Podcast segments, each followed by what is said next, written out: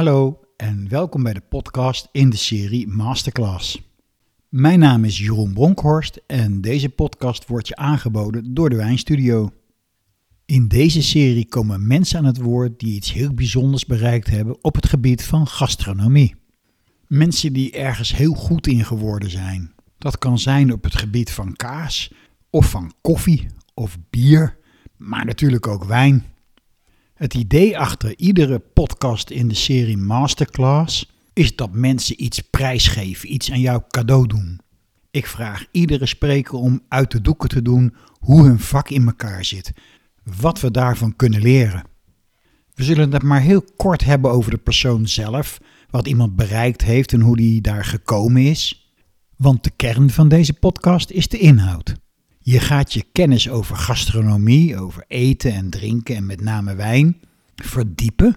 En als je professioneel met gastronomie bezig bent, dan zal dat zeker helpen. En als je niet professioneel bent, is het gewoon heel interessant. Tenminste, dat hoop ik voor jou. In deze aflevering komt Onno Klein aan het woord. En we gaan het hebben over culinair schrijven, het schrijven van wijnkaarten, menukaarten enzovoort. Onno is oprichter van de Academie voor Culinair Schrijven. En ben je daarin geïnteresseerd? Ga dan naar zijn website www.onnoklein.nl. En klein schrijf je met EY. Nou, Onno, uh, hartstikke fijn uh, dat, jij, uh, dat jij er bent en dat je dit wilt doen. Onno Klein vandaag. En Onno is een bekend schrijver, een culinair schrijver voor de Volkskrant. En hij heeft ook hele mooie boeken geschreven. Maar ik vind het eigenlijk altijd een beetje onzin om daarover te vertellen. Ik denk dat kan jij veel beter zelf vertellen. En ook veel mooier dan dat ik dat kan. Dus ja. van harte welkom, Onno. Dankjewel, dankjewel. Ah, uh, krijg, dan krijgen we de pitch. Je mag jezelf verkopen. Nou, ja. komt-ie. Ja, ik schrijf, uh, ik schrijf 35 jaar over wijn en eten. En dat uh, is allemaal geboren vanuit hobby. Ik heb inderdaad van mijn, van mijn hobby mijn werk gemaakt. En dat, uh, dat kan ik iedereen aanraden. Maar dat is na, nadat ik allerlei andere dingen heb gedaan. Ik heb in de film gewerkt. Ik heb zang gestudeerd, klassieke zang aan. Uh, ja, ook nog. Helemaal niet. Nee, nee, nee, nee. uh, aan de achterkant van de camera dan. Hè. en en zang gestudeerd aan het Conservatorium van Amsterdam. En toen heb ik een jaar in Italië gewoond. En toen wist ik het helemaal niet meer, want met de zang ging het niet goed genoeg. En toen ben ik dit gaan doen. Dus van mijn hobby mijn werk gemaakt. En dat uh, aanvankelijk lauwloenen. Ik moest erbij uh, een ander baantje hebben. Dat, dat, dat, vanwege de centen. Maar op een gegeven moment lukte het om ervan te gaan leven. En dat lukt nog steeds. Uh, ik schrijf inderdaad voor de Volkskrant sinds 2003 over eten. En twee jaar later begon de wijnrubriek. Daar heb ik erg voor gelobbyd daar. Een, een, een serieus dagblad zonder wijnrubriek, dat kan toch niet, vond Oh, ik. ja. Nou, dat vonden ze Zo uiteindelijk zelf dus. ook. Ja, Tip nummer 1 aan. eh, maar ik was al binnen. Hè? Ik Ja. was daar al binnen, dus dat scheelt. En eh, dat loopt tot op de huidige dag, dus dat is 18 jaar. En dan moet je elke week een stukje schrijven over een wijn. Elke week wat anders doen. En, eh, en dat moet vermakelijk zijn, maar het moet begrijpelijk zijn voor de leken. En wat bedoel jij met elke week wat anders doen? Ehm, nou, ik moet natuurlijk om te beginnen heel erg variëren met de wijnen die ik bespreek. Dus herkomst, eh, gewoon ook de kleur, ehm, de, de prijs, eh, van alles wat. Ik moet blijven variëren. En rekening houden met mijn lezers. Dus eh, ik moet iedere keer nadenken van, zouden ze dit lekker vinden? En dat, dat, daar doe ik erg mijn best voor en dat heeft blijkbaar effect. Dat is de, de die ik dan weer opvang uit de markt van degene van wie die wijnen zijn, of degene die die wijnen verkopen. Blijkt dat mijn rubriek tot verkoop leidt. Nou, dan denk ik van dat zal wel. Iets doe je eh, goed. iets doe ik goed. Dus de mensen vinden dat eh, prettig en komen daar dan ook op terug. Want als je een keer een wijn koopt die ik aanbeveel en, hij, en je vindt hem niet lekker, dan denk je de volgende keer, ja, het zal wel. Maar nou, blijkbaar over die 18 jaar heen heb ik zoiets opgebouwd. Ik ben eh, 12 jaar geleden begonnen met het eh, geven van een cursus. Dat was voor de School voor Journalistiek in Utrecht. Over schrijven over, eh, over wijn en eten. En dat heb ik één keer gedaan en toen dacht ik, ja, dat kan ik veel beter zelf. Dus toen ben ik dat zelf gaan doen. En sindsdien geef ik schrijfles. Twee keer per jaar cursussen, af en toe was een workshop. Eh, ook voor de wijnstudio geef ik binnenkort weer een, eh, een workshop. Schrijven over wijn en eten. En in dit verband waar we vanmiddag over praten, hebben we het natuurlijk vooral over wijn. Schrijven over wijn. Hoe doe je dat? En nou ja, daar wou ik het over gaan hebben. Ja, hartstikke goed. Want dat was een beetje mijn vraag, Onno. Heb jij geheime tips? Heb jij goede ideeën voor mensen? Want uh, ja, eigenlijk moeten heel veel mensen iets schrijven over wijn. En menukaarten of uh, ja, wat dan ook. Folders, websites, uh, magazines soms. Ja. ja, dan word je geacht wat te schrijven over je eigen wijnen. Of voor mijn part die van een ander. Maar ja, dat is een vak. Dat is een vak. En ehm, nou is het grote probleem voor die schrijvers dat ze eigenlijk allemaal een wijnopleiding hebben gedaan en hun lezers niet. Helemaal even kort op de bocht. Hè. De, de, de meeste lezers hebben geen wijncursus gedaan. Of als ze het al hebben gedaan, niveau 1 of 2. En daarna afgehaakt. En, uh, en, en zij zitten allemaal, die, die schrijvers zitten wel in een bepaald vak. En bij het vak hoort jargon en er hoort een bepaalde manier van denken. En die kun je maar heel ten dele gebruiken als je voor die leken schrijft. En daar moet je rekening mee houden. Hmm. Maar dan moet je, je gaat ook geen Jippe Janneke taal gebruiken. Nee, die hoeft niet, in de taal niet eh, simpel te zijn. Maar je moet niet te veel jargon gebruiken. En nou, we komen er, we komen er uh, vandaag nog aan toe. Oké. Waar ik het eerst over wou gaan hebben, ik, ik, even heel kort van, ja, waar komt dat vandaan eigenlijk, dat schrijven over wijn? Want hebben we dat altijd gedaan? Is dat oud? Is dat nieuw? Het, nou, spoiler, het is betrekkelijk nieuw. Oh. het, ja, in, de, in de voorbije eeuwen, er is altijd onderscheid gemaakt tussen goede en slechte wijn. En daar is ook wel over geschreven. Dat kun je vinden in Griekse bronnen, zeker ook in Romeinse bronnen. En in de Bijbel? En in de Bijbel. Ja, ja de, de bruiloft van Cana, daar wordt al, hè, dan, dan heer, dan is de wijn op. Uh, en dan, dan hebben ze dus blijkbaar al flink wat achter de kiezen.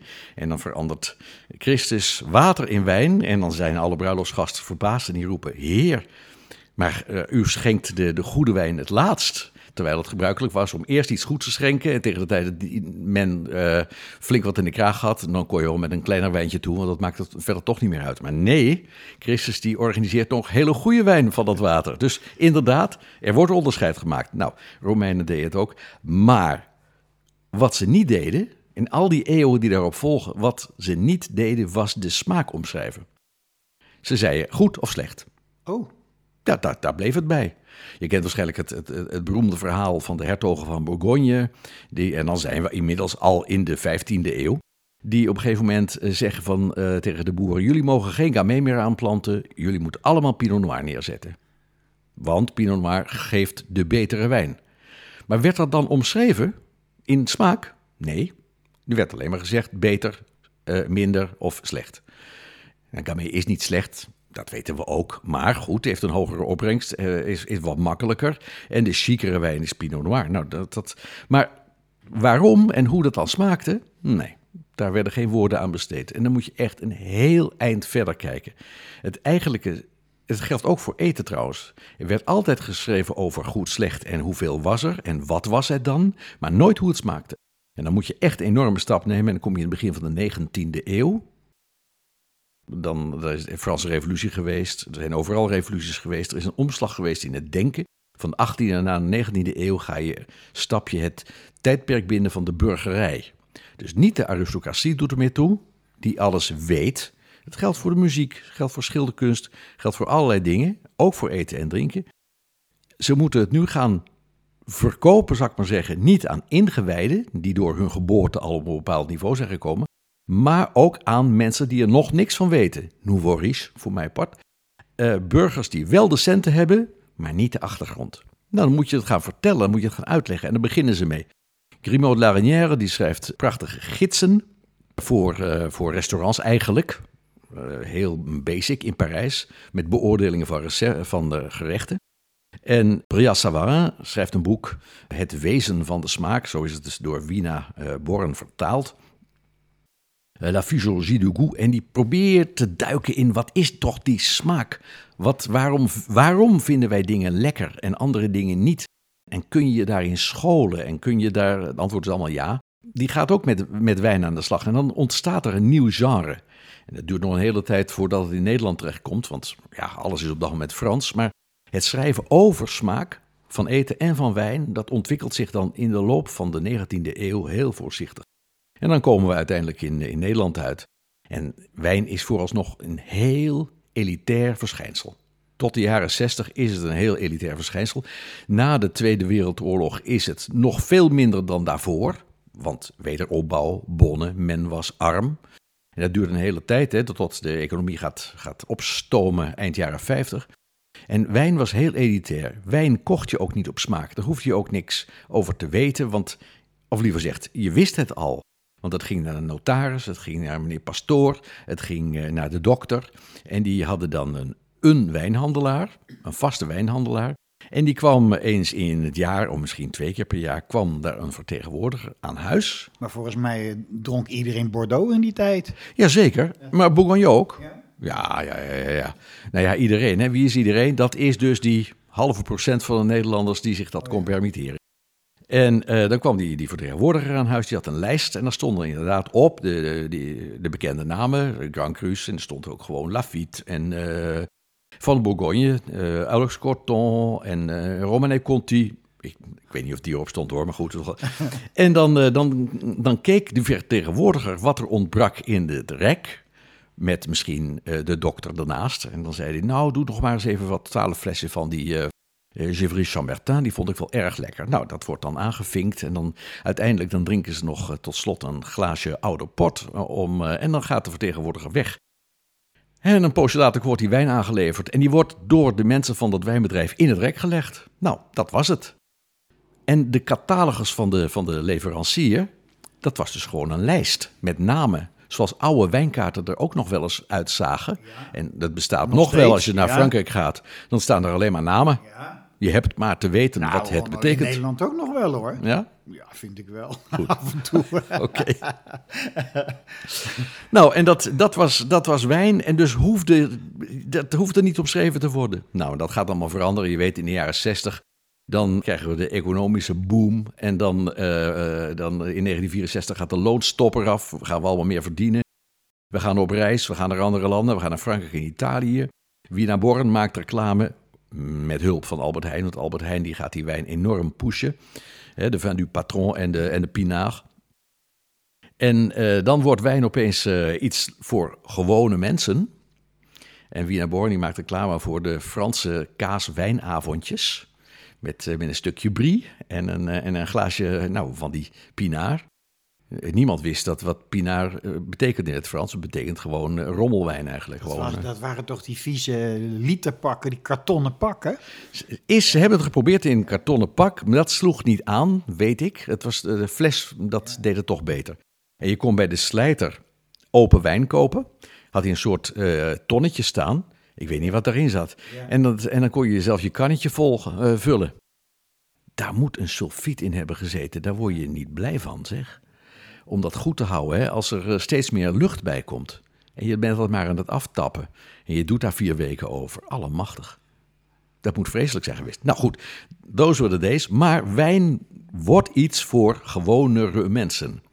Die er niks van weten. En dan begint het hele verhaal van dan nog nauwelijks de, de wijncursussen. Maar Wiener Born schrijft het volkomen wijnboek mm -hmm. voor Albert Heijn. En er kwamen meer wijnboeken. In de jaren zeventig uh, dan, dan begint Hubrecht Duiker te schrijven en zo. En dan moeten de smaak van wijn en ook vooral de beleving moet omschreven worden. Want wat is nou het probleem? En daar kom ik weer terug op het verhaal van de wijncursus en het jargon. Wijn is niet alleen maar smaak. Wijn is beleving. En die moet je ook in je tekst zien te vatten. Je kunt, je, kunt niet overal wegkomen met alleen maar een, een technisch smaakprofiel. Dat vinden de leken in ieder geval idioot. Vinden het ook vaak overdreven.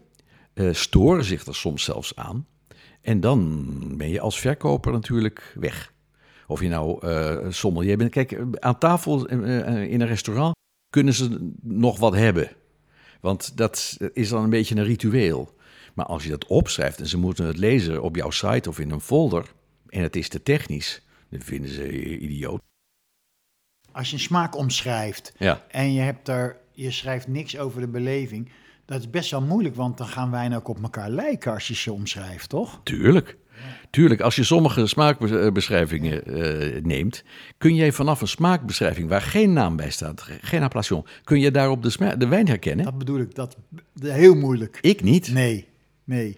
Ik niet. Dus eh, je moet er iets omheen vertellen. Iets aardigs, iets interessants. Nou, als het om wijnschrijven gaat. Ik heb nou de historie een beetje geschetst.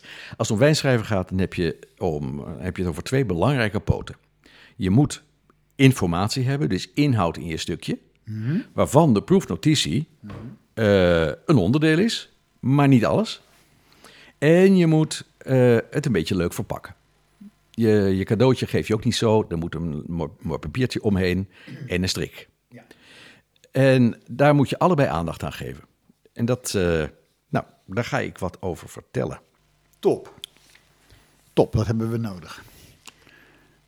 Je eerste vraag, en ik heb daar al naar gehind, is eh, wie is je lezer? Want de ene wijnhandel zit in een andere buurt dan een andere. Als jij in, eh, in, in eh, weet ik veel hoor, Overveen of Wassenaar of Laren zit of zo, dan krijg je misschien andere klanten in je zaak dan in de Bijlmer eh, bij Amsterdam of op Katenburg. Ik weet het niet, maar zoiets. Daar moet je ook aan denken als je je stukje gaat schrijven. Je weet het eigenlijk al van welke wijn je verkoopt. Verkoop jij allemaal dure Bourgognes en Bordeaux's of komen de mensen bij je binnen voor een wijn van al. 6 euro? Ja. Of nog goedkoper? Daar moet je over nadenken. Zo ook als je gaat schrijven voor bladen of voor anderen of zo. Het Huis en Huisblad is iets anders dan de NRC. Die mensen verlangen iets anders, die wensen iets anders, hebben vaak ook meer achtergrondkennis. Hoewel het helemaal niet is gezegd dat al die eh, NRC-lezers wijncursussen hebben gedaan. Nogmaals, dat zijn ook leken, maar ze zijn misschien verbaal wat sterker. Daar moet je rekening mee houden. Blijf daar altijd aan denken. Wat kunnen ze aan? En dan ga je kijken, waar ga ik het over hebben? Nou, daar heb je allerlei eh, dingen voor nodig. Als je een wijncursus hebt gedaan, heb je in principe je proefnotitie. Je proeft een wijn en dan maak je wat, eh, wat, wat, wat, schrijf je wat woorden over op. En die kun je gebruiken, maar met mate, dat zei ik al. Er moet nog wat anders bij. En wat moet dat dan zijn? Nou, ga je altijd afvragen bij elke wijn: wat is hier nou anders aan dan aan alle andere wijnen? Eh, wat kan ik over vinden dat hem doet afwijken? Ik heb hier nou toevallig, we hebben even geluncht voordat we gingen praten. Ik heb hier toevallig een wijn een staan. Ja, eh, ik heb hier een wijn staan, eh, een, een Weissburgunder. Die ze dan hier voor de gelegenheid Weissachburgunder noemen. Oké, trokken. Kalkstein, nou, dat is de informatie. Van Schloss Mühlenhof. Die wordt geïmporteerd en geleverd door Colaris. 2022. Nou, als je dan zo'n wijn hebt, dan kun je daarna gaan kijken. Ik heb hem nu nog niet, want dit is Alain Provist. Ik weet er niks van. Waar zit dat bedrijf? Rheinhessen. Nou, dat geeft al een indicatie. Pinot Blanc heet uh, Weissburgunder in Duitsland. De luisteraars weten dat allemaal. Maar je lezers niet. Die, uh, die, die maken die klik misschien niet. Dat het eigenlijk een, een, een, Franse druif is. Nou, daar kun je al iets over vertellen. Schloss Mühlenhof zou ik uitvoerig gaan googlen. Ik wil weten waar het ligt. Nou, daar heb je allerlei handvatten voor tegenwoordig. Want je we hebben Google Earth. De, de, het wijnbedrijf heeft ongetwijfeld een website. Daar staan foto's op. Kijk ernaar. Maar die zijn vaak soms ook een beetje plichtmatige foto's. Een, een mooie druiventros, een blikje, een blik in de wijngaarden en zo. Voorspelbaar, niet onderscheidend. Want we zijn altijd op zoek naar het onderscheidende. Wat maakt het anders? Nou, dan kun je gaan kijken bijvoorbeeld uh, op Street View. Google Street View. Hoe ligt dat wijnbedrijf erbij? Waar ligt het dorp? Ligt het in het dorp? Ligt het buiten het dorp? Is de weg erheen steil? Uh, ligt er een bos tegen de wijngaarden aan? Uh, is de heuvel hoog? Dat kun je op Google Earth van niet zien, maar op Street View heb je er wel een idee van. Zo kom je steeds meer aan een gevoel van, de, van, van waar die wijn geproduceerd wordt. Je gaat kijken naar wie het maken. Als dat op die website duidelijk is, de namen erachter, de koppen erachter. eh, valt daar iets over te vinden. Je gaat googlen op de naam van de wijnmaker. Je gaat googlen op de naam van zijn dochters of van zijn vrouw Dus of van zijn nicht. Heel veel informatie verzamelen. Je gaat heel veel informatie gebruiken. Juist. eigenlijk. Ja. En ook beelden verzamelen. dus. Beelden verzamelen. Je moet een, een, een, gevoel krijgen voor, voor, het, he- voor het geheel. Daarvan ga je waarschijnlijk 90% niet gebruiken. Ja, het is niet anders. Want als je iedere keer op, langs dat stramien je stukje zou gaan schrijven, dan gaan al die stukjes ook weer op elkaar lijken. Dus je moet er iets van pakken. Misschien staat het op een hele steile heuvel. Ik heb, een- ik heb een voorbeeld hier. Dat gaat niet over deze wijn, maar over een wijn van een wijnmaker uit Oostenrijk. Jozef Emos. Oh, verdraaid. Ook Colaris. Nou, dit is echt toeval. En die wijn die heet Jozef Emoser in Grunewald Lina Wagram Terrassen 2022. En hij is biologisch. Nou, wat heb ik daarover boven water gekregen? Ik, ik lees gewoon het stukje eerst eventjes voor. Ik ga het even voordragen. Terrassen heet de Grunewaldliner van vandaag. Tenminste, zo heeft wijnmaker Jozef Emo, eh, de cuvée genoemd. Hij had daarbij niet die van ons in gedachten. Vrolijk onder de parasol, lentezonnetje op de konen, benen lang uit. Waar blijft dat tweede glas? Deze wijn komt namelijk van een geologisch terras. Een enorme bank van lusgrond die parallel aan de Donau van west naar oost loopt en die de Wagram wordt genoemd. Napoleon versloeg er in 1809 de Oostenrijkers. Emoser koestert er zijn wijnstokken. Er waait hier altijd wel een windje, legt hij uit op een video. En dat is fijn als je biologisch wilt werken, want een drogende wind is een nadeel voor schimmels. 2022 was het eerste jaar dat de biologische certificering op de etiketten mocht. Dat is altijd na meerdere jaren van conversie. Wel biologisch werken, nog geen stempeltje krijgen. Emozes wijnreputatie had hij wel al heel lang. Deze wijn maakt hij helemaal waar. Intens geurend naar citrus, persik en witte peper. En met een frisse, elegante smaak die ik bijna als intelligent zou willen omschrijven, ook al slaat dat nergens op. Neuriet heerlijk lang na. Terrassen. Wat heb ik aan die wijn ontdekt? Nou, om te beginnen dat hij terrassen heet. En dat, dan ga ik, mijn eerste eh, associatie is dan gewoon, nou, dit terras toch? Dit is wijn voor op het terras.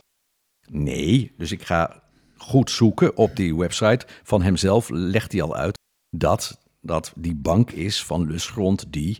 En als je dan eh, met eh, Google Earth gaat kijken, want die heb ik hier gebruikt, dan zie je inderdaad dat dat een hele terreinverhoging is van vele tientallen meters. Een soort, soort ja, klif zou je zeggen. En daarboven eh, teelt hij die wijnstokken. En als je dan nog wat verder zoekt, dan ga ik zeggen: Oh, die terrassen, die, die Wagram, daar ga ik dan op googlen. En dan komt er naar boven dat het eh, het slagveld was in 1809 tussen de Oostenrijkers en de Fransen met Napoleon. Oké, goed. En die video staat op zijn, eigen, op zijn eigen site, waar hij het heeft over dat windje. En dat windje gebruik ik dan om uit te leggen dat die wijn biologisch is en dat dat gunstig is, een nadeel is voor schimmels. Want, wat heb ik nou in dit stukje zitten? Een beetje informatie over de terrassen, maar dat is misschien niet zo uh, dat is niet iets wat de mensen hoeven te onthouden, wat heel erg educatief is. Maar dat windje als gunstig voor biologisch, dat is iets wat je mee kunt nemen. Daar heb je echt iets aan, daar leer je iets van. Ja, en ik, en ik vind het ook leuk hoe jij dat beetpakt. Want uh, je hebt het dan over, hoe, hoe zeg je dat? Het is een nadeel voor de schimmel. Je, je gaat vanuit de schimmel redeneren eigenlijk. Mm, ja. Dat is wel net even een andere aanpak om het zo te bekijken. Ja, ja. oké. Okay. Ja, dat, uh, dat kwam zomaar.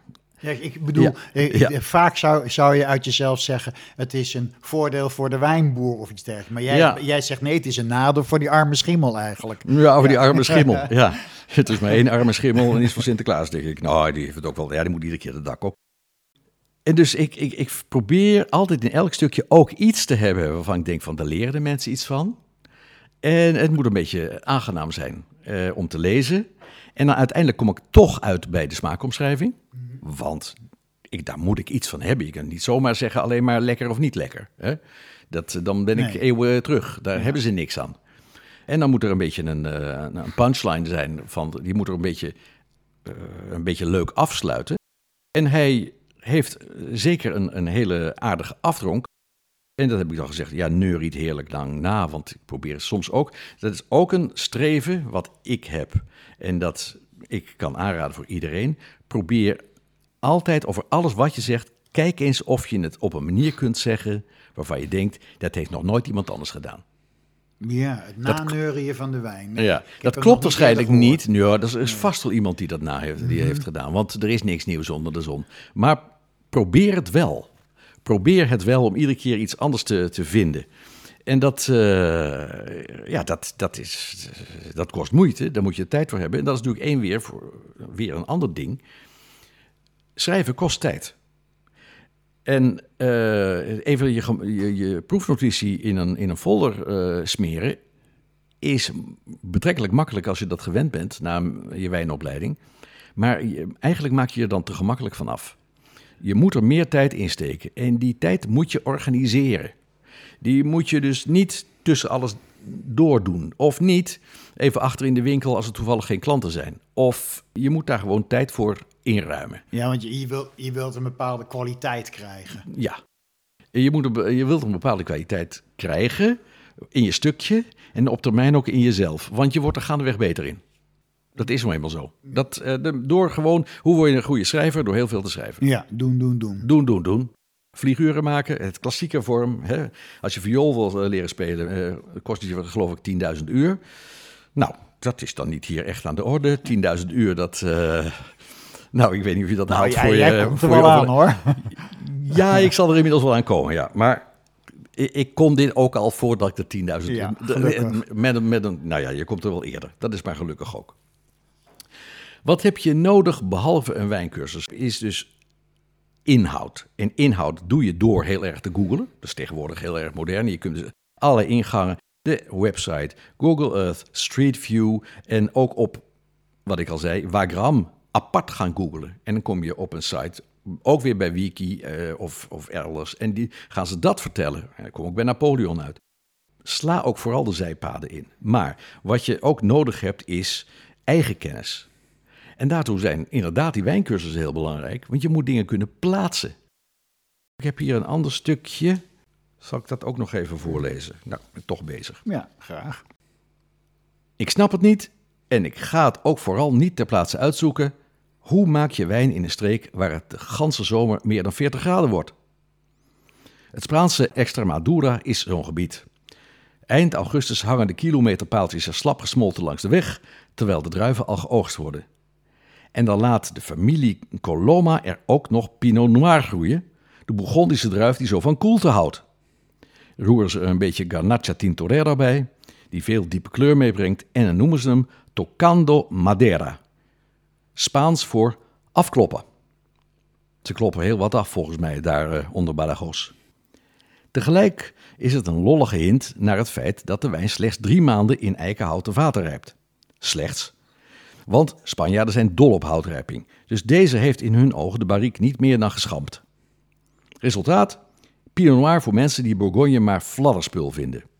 Dit heeft structuur, dit heeft alcohol. Tel bij de vermelde 14,5% gerust de toegestaande halve procent afwijking op. Maar dit is tegelijk in balans gebleven. Kracht met elegantie. Chic hoor. Wat ik hier inzet als, eh, als kennis, en die de, de luisteraars ongetwijfeld ook wel hebben, is om te beginnen dat Pinot Noir een cool climate eh, druif is. Die hoort in Bourgogne en tegenwoordig, en daar komen ze straks ook in de problemen, hij, eh, hij staat in Zuid-Limburg en doet dit fantastisch. Dus, een koel klimaat. En dan zit je inderdaad in Extremadura, dat is raar. Ehm, Gewoon veel te heet eigenlijk. eigenlijk veel te heet. Eh, want inderdaad, de hele zomer meer dan 40 graden, 45 graden komt ook voor. Ze zitten daar waarschijnlijk wel wat hoger, maar goed, die 38 halen ze wel. Dus het is inderdaad de vraag, hoe doen ze dat? En ik weet het niet. Ik heb de wijnmaker niet bevraagd. Eh, en dus schrijf ik, ik snap het niet en ik ga het ook vooral niet ter plaatse uitzoeken.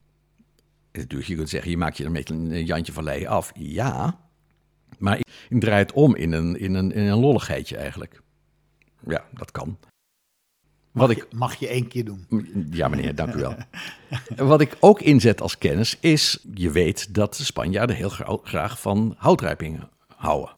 Heel veel van houtrijping houden. En uh, deze heeft drie maanden bariek gehad. Dat, die is informatie die je boven water krijgt. En uh, dat hij ook nog Tocando Madeira heet. En dat zoek ik dan op. En dat betekent afkloppen. En dat ik dan zeg van, nou, dat is een lollige hint naar het feit dat hij maar heel even in hout is geweest. Dus hij heeft het alleen maar even aangetikt eigenlijk. Dat is mijn invulling. En dat is de associatie die ik maak. Maar daartoe moet je dus eh, die uitdrukking opzoeken.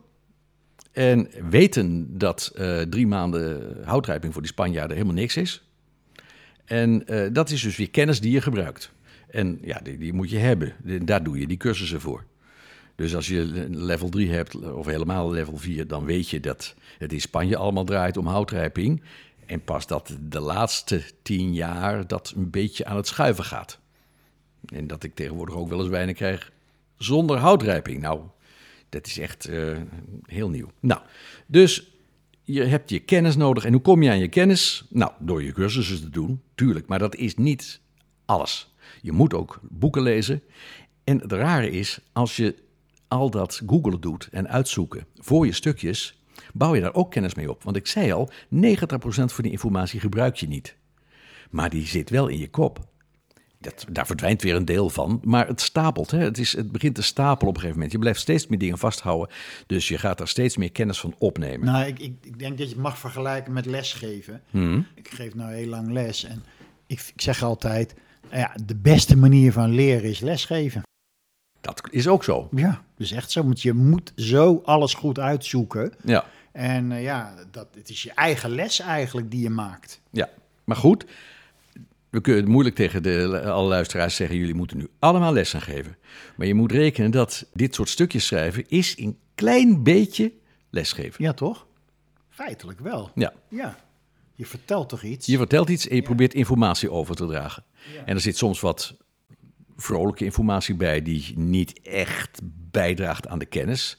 Want wat moeten die mensen met de Wagram, dat ze dat verder weten? Nou ja, goed, als ze in de buurt komen, dan goed. Mm. Maar uh, hout en, en, Spaanse wijn en, en, en schimmels en, en wind en dat soort dingen, dat is kennis, daar hebben ze wat aan. Dus dat ben je aan het uitleggen, dus dat ben je in feite aan het lesgeven. Ja, klopt. Want, Je, want je, we hebben het nu over mensen die stukjes schrijven. Ja. Hè, voor een blad of voor een tijdschrift of voor, een site, uh, ja. of voor, hen, voor, voor, de verkoop, voor ja. uh, importeurs en winkeliers en dergelijke. Ja, ik vind zelf altijd, uh, ja, ik weet niet, volgens mij denk jij er ook zo over. Het ergste vind ik dat je, als je onzin gaat opschrijven, dat vind ik het ergste. Dat is dodelijk. Want wie schrijft, die trekt daarmee een jas aan van verantwoordelijkheid. Een journalist, ja, ik ben journalist, maar ik ben niet opgeleid als journalist. Hè. Ik heb van mijn hobby mijn werk gemaakt, ik heb daar geen opleiding voor gekregen. Maar op een gegeven moment ontwikkel je dat in de loop van de jaren. Zeker als je voor, zoals ik, een landelijk dagblad schrijft, dan moet je de normen van een journalist hanteren. En dat betekent alles moet kloppen. En je zoekt het maar uit. En als je het niet weet, heb je twee mogelijkheden. Of je zoekt het uit, of je schrijft het niet op. Je gaat dus niet zelf gevolgtrekkingen maken. Je gaat niet denken, dit is wel logisch, zo zal het wel gegaan zijn, bijvoorbeeld. Dat doe je nooit. Je leest het in bepaalde bronnen, meerdere bronnen, en anders schrijf je het niet op. Dan krijg je bij de cursus, want eh, twee keer per jaar geef ik een cursus, en eh, dan krijg ik altijd de vraag, wanneer is een bron nou een goede bron? Ja, goeie vraag. Het is een hele goede vraag. En ook een hele moeilijke vraag. Want uh, daar, eh, ik kan daar niet een heel simpel antwoord op geven. Een bron is, zeggen ze, als je, als je hem vaker tegenkomt. Nou, dat, Oké, maar dan moet je dat ook zelf gaan beoordelen. Want op het internet zie je regelmatig dingen die duidelijk gekopieerd zijn. Als, als, je, uh, als het copy-paste is en je ziet dezelfde bewoordingen terug, dan geldt dat niet als meerdere bronnen. En zelfs Wikipedia is niet uh, altijd correct. Is niet altijd correct. Nee. nee. Nee, er staan wel eens rare dingen in. Meestal kom je een heel eind door. Uh, wat ook al goed werkt in, met Wikipedia is op een andere taal zetten. Het is heel makkelijk met Wikipedia. Oh. Je klikt het zo aan. Je oh. zit in Nederlands te kijken en dan kijk je, wat, wat zeggen ze in het Engels? Oh, en dat scheelt? En dat scheelt soms. Soms is het Nederlands vertaald uit het Engels. Nou, dat zie je gauw genoeg. Dus dan schiet je er eigenlijk niks meer op. Uh, soms is het uitgebreider in het Engels. Dan hebben ze een verkorting gemaakt. Soms is het compleet anders. Ja, hij heeft gewoon een hele andere bijdrage. schrijver zijn Ja, precies. En die heeft het gedaan. En ik heb het voordeel dat ik ook Spaans en Frans en, en Italiaans kan lezen. Dus dan ga ik daar even kijken of het nog weer iets anders is. En dat kan ik iedereen aanraden. Ook als je zegt, ja, maar mijn Frans is, maar, uh, is niet zo geweldig.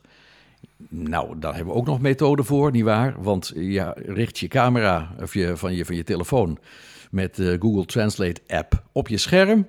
En je zet, uh, je zet hem aan en hup, daar is de vertaling. Nou, dat hoeft allemaal geen bezwaar meer te zijn tegenwoordig. Dus informeer je. Daarvoor is ook je kennis belangrijk. Want hoe meer kennis je hebt, hoe eerder je weet dat je iets niet weet. Dat je het nog beter moet uitzoeken. Ook dingen waarvan je dacht, ah, dat weet ik wel. Nee, checken. Alles checken. Chenin Blanc. Oké, nou Chenin Blanc. Nou, dat is, uh, nou, dat is uh, heel populair in Zuid-Afrika, toch? Ja, oké. Nou, het zal, wanneer is de oudste wijnbouw van Zuid-Afrika? Jan van Riebeek, die liet al druivenstokken planten. Nou, het zal wel Chenin Blanc zijn geweest. Nee. Die gevolging kan je helemaal niet trekken. Nee. Want die Franse hugenoten die kwamen pas een heel eind later. En die hebben waarschijnlijk die Chenin Blanc meegenomen. Dus maak niet te gemakkelijke gevolgtrekkingen. Uh, dus dat kun je niet doen, dan moet je, dan moet je checken. Nee, ook bij vertalingen. Ik, ik weet dat ik toen schreef over Vinho de Roda in de Madeira. En dat ik dacht, oh, dat zal wel wijn van de weg zijn, onderweg of iets dergelijks. Ik had er een hele gedachte over opgebouwd. Ja. En gelukkig heb ik het gecheckt. Het betekent wijn van het wiel. En dat betekent dat die wijn in beweging was. Dus het is iets totaal anders dan van de weg of zo. Ja. Ik dacht, oh ja, ik dacht, het betekent een wijn die een lange weg gegaan is. Dat dacht ik. Mooi. Mooi, hè? Maar helaas niet waar. Nee, klopt niet, nee. Ja, en druivennamen, uh, dat loopt ook wel eens achter. Uh, daar, daar zijn ontwikkelingen in. In de ampelografie, hè, dat prachtig woord voor de druivenkunde eigenlijk. Of de druivenbeschrijving, het schrijven over uh, druivenrassen. Um, Nebbiolo. Nou, wat hebben wij allemaal zo'n beetje geleerd over Nebbiolo? Ja, dat is de druif uit Piemonte. En die heet zo natuurlijk omdat het daar altijd zo mist in de, in de, in de herfst. En dan gaan ze oogsten in de mist. Nou, dat levert hele fraaie foto's op, maar het klopt niet. Want de nieuwste informatie, die heb je maar bij te houden. Uh, dan heb je dat dikke boek van Jancis Robinson, dat is alweer tien jaar oud hoor. Daar staat in dat druiven meestal de naam krijgen naar eigenschappen van de druiven zelf en niet de omstandigheden. En uh, een rijpe Nebbiolo-druif heeft een beetje zo'n zo'n waasje eroverheen. Ja, ja. zo'n zo'n zo'n ja, een beetje ja. een grijzig laagje eroverheen. En dat lijkt op mist en daar zou het dan vandaan gekomen zijn. Nou, ja. prachtig. Hou je vak ook bij. Dus uh, koop af en toe weer eens een nieuw boek. Als dat uitkomt, blijf er bovenop zitten. Dat is jouw verantwoordelijkheid als schrijver. De mensen lezen jou en je denken dat het allemaal waar is. En dat it better be, zullen we maar zeggen in het Engels. Dat moet dan ook zo zijn. Nou, verder is natuurlijk uh, op reis gaan is heel belangrijk.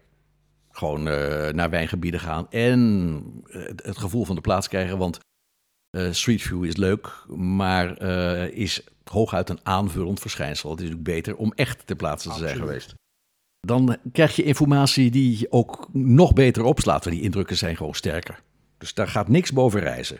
En wij maken ze ontmoeten. En wij maken ze ontmoeten ja. dus. Ja. ja. Uh, en, ja, en daarmee en door, die, en door die velden lopen, door, door die, die velden lopen. lopen. Ja, ja. Wegzakken in de rode prut, in de, in de aarde. Hè. En dan, dan krijg je werkelijk het gevoel voor terroir. Dat, om dat weer van je schoenen af te krijgen. Nou, probeer de Chianti nou, ik, maar. Ik weet op, op, op Madeira dat ik... Uh, daar heb je die hele mooie pergola's. Ja. Het ziet er heel leuk, gezellig uit eigenlijk. Totdat iemand mij uitnodigde om uh, daarin te lopen. En toen kwam ik erachter, daar kun je helemaal niet in lopen, want alles moet je bukken doen. Ja. Dus plukken en snoeien en alles moet je bukken. Of je moet heel klein zijn. Dat verbluffend, ja. wist ik ook niet. Want nee. ik was net in Alto Adige en daar zijn ze op, uh, op staalhoogte hoor. Ja, die, dat is uh, fijn. Die, ja. ja. Maar in Madeira niet. Nee. nee. Maar zelfs dat is info voor een stukje. Ja. Als je het één keer meegemaakt hebt, dan vergeet je ja. het ook nooit meer. Nee, nee, nee. Dan, ik, ik, ik voel hem nu al opkomen. Van, uh, van, hebt, u, uh, hebt u al een glaasje bukwijn gedronken? Bukwijn? Moet je dat bukkend proeven? Nee, nee, je moet het bukkend oogsten. Ja. Nou ja, uh, al dat soort dingen is info. En het aardige is, jouw lezers, de leken, die onthouden dat. En die vinden dat veel leuker dan dat je zegt, ja, nou, Deze ene Madeira heeft toch wat uitgesproken zuren. En de, de, de, de, de toon van sinaasappelschil is wat meer uitgesproken. En dat denk ik, ja... Ja, juist die persoonlijke dingen vinden mensen vaak heel leuk. Hè? Ja. Waarvan je zelf denkt van, ik moet niet te veel van die onzin vertellen, want het doet er eigenlijk niet toe. Nee. Maar mensen vinden het eigenlijk hartstikke leuk om, om dat te lezen of te horen. Hè? Ja, ja, ja, ja. Lijkt mij wel. Nou ja, goed. Althans, dit is mijn gevoel. En eh, het enige wat ik ter argumentering kan aanvoeren is, als ik dat ge- gevoel eh, verwerk in mijn stukjes, dan gaan mensen wijn verkopen. Dus blijkbaar doe ik iets goed. Maar vraag je nooit aan mensen wat ze leuk vonden aan je stukje dan? Nee? ik krijg er ook heel weinig reactie grappig. op. Dat is vreemd, ja. Oh. Of, eh, ja, nee, kijk, geen bericht is goed bericht, hè? Oké, zo zie je dat. Nou ja, zo zie ik dat. Ja hoor, want als, als er iets niet klopt, dan, eh, dan gaan mensen wel, eh, wel zaniken. Dat doen ze wel. Dat eh, krijg je wel te horen Ja, natuurlijk. als ze het Ja. niet mee eens zijn. Of, eh, maar ik kreeg dat eigenlijk nooit. Wel eh, een, een, een lezer die vond van dat ik veel te dure wijnen beschreef. En dat, dat is natuurlijk altijd een, een, een probleem bij alle rubrieken die producten beschrijft. Dat je dan denkt van ja, die, die willen, willen negens hebben voor wijnen van 4, 5 euro. Denkt u wel dat ik een wijn kan betalen van 15 euro? Dat krijg, je, kreeg ik een reactie. En ik heb eh, teruggeschreven van, ja, ik begrijp u wel, maar die wijnen van 4 en 5 euro, daarvoor hebt u mijn beoordeling niet nodig, want die lijken allemaal erg op elkaar. Die zijn tegenwoordig dikwijls wel eh, technisch correct, Ja, Maar- meer ook niet. meer ook niet. Nee. Dus daar, daar zit te weinig verschil in en daar hebt u mijn, mijn aanbeveling niet voor nodig. Mijn aanbevelingen zijn voor wijnen die voor die bijzondere gelegenheid, voor die mevrouw misschien, voor kerst of, of van ander als er iemand eh, komt eten. Of soms ook, want heel veel wijn wordt natuurlijk cadeau gegeven. Mensen geven meer geld uit aan een wijn die ze cadeau geven dan wijn voor zichzelf. Oh, Ja, oh, ja. ja ik niet, maar sommige mensen. Ik zit me dat ook af te vragen. Geef ik meer uit aan een cadeau? Nou, nee, ik, ik kan wel veel aan een cadeau uitgeven, maar voor mezelf ook. Goed. Ehm, inhoud, daar heb ik het over gehad. Nu komen we aan, het, eh, aan de afdeling, die natuurlijk eigenlijk ook al deels eh, aan de orde is gekomen, van de verpakking. Je hebt iets te vertellen, je hebt de pure, de kale inhoud. Hoe ga je dat vertellen? En hoe eh, bied je dat aan? Ja, dankjewel Onno. Tot zover dit eh, eerste deel over inhoud. Ik vond het ontzettend leuk en interessant om jou erover te horen praten.